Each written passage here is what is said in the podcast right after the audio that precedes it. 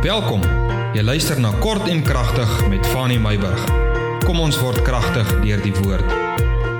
Ek groet jou weer eens vanoggend. Vanmôre gesels ek met jou 'n bietjie oor die varke se begrafnis. Ek lees daar in Markus hoofstuk 5 van die man wat geweldig besete was deur 'n legioen demone, soos wat Markus 5 dit uitspel. Hierdie man was 'n terroris van die samelewing. Die demone het hom so bedryf dat hy nie 'n normale lewe kon lei nie. Hy het as gevolg van sy demoniese toestand tussen die grafte beland. Dit was sy blyplek. Jesus kom toe op 'n dag by hom verby. En ek verkort nou die hele verhaal. Jy kan self gaan lees in hoofstuk 5 van Markus en Jesus beveel die demone om uit die man uit te gaan.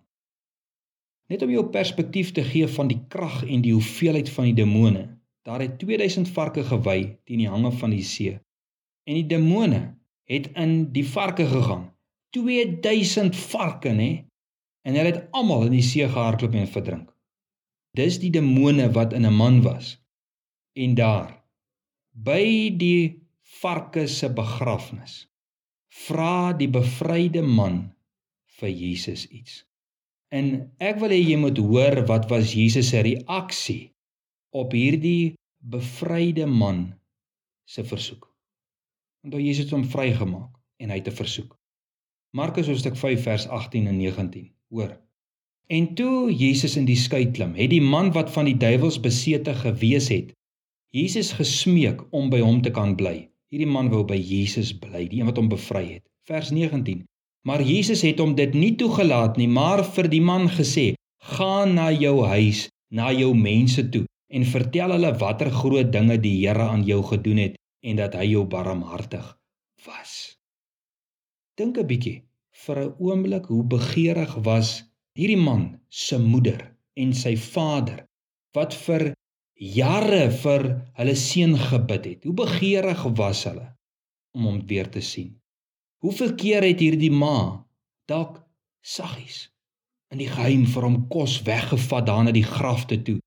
Maar net sodat hy hulle nie sou sien nie want dalk sal hulle seun hulle seermaak omdat hy demone in hom het. Hoeveel keer wou sy hom nie in haar arms vashou nie. Dink vir 'n oomblik uit die oogpunt van 'n moeder en 'n vader. Hoeveel keer het die pa nie rusteloos geslaap, gewerk aan die tafel gaan sit met bekommernis oor sy seun tussen die grafte nie? Wie wat sê Jesus vir hierdie man?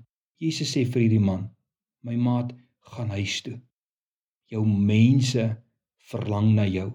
Gaan na jou mense toe en vertel vir hulle watter groot dinge die Here aan jou gedoen het en dat hy jou barmhartig was. Gaan huis toe." En hierop wil ek vir jou iets sê. As Jesus vir jou 'n werk gedoen het, en jou lewe verander het, gaan eers huis toe en gaan wys eers aan jou huismense wat Jesus gedoen het en vertel hulle hoe Jesus jou aangeraak het. Ook wil ek sê, hoor nou, dis maklik om 'n mooi gesindheid by die werk te handhaaf en tussen jou vriende en by die viswaters en by die resiesbaan en by die kerk, maar gaan huis toe en gaan openbaar dieselfde mooi gesindheid teenoor jou vrou en kinders en huisdiere. Weet jy wat? Dis hartseer baie mans nê nee, praat mooier met hulle sekretaresses as wat hulle met hulle vrouens praat.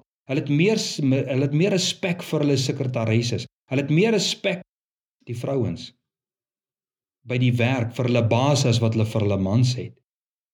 Baie ouers prys ander mense se kinders, maar hulle eie kinders is altyd verkeerd en word altyd gekritiseer.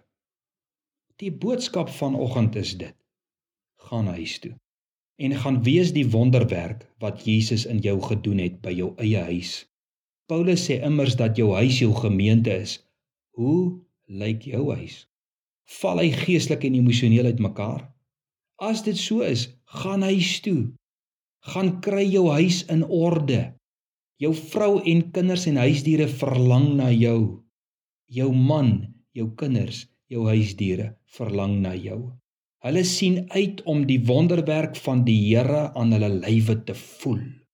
Die wonderwerk is pappa, mamma, my man, my vrou het huis toe gekom. Ons huis is volledig, dis herstel. Weet jy wat? Jesus verwag dit van jou om huis toe te gaan. So hier by die varke se begrafnis is dit vanmôre Jesus se boodskap aan jou. Gaan huis toe.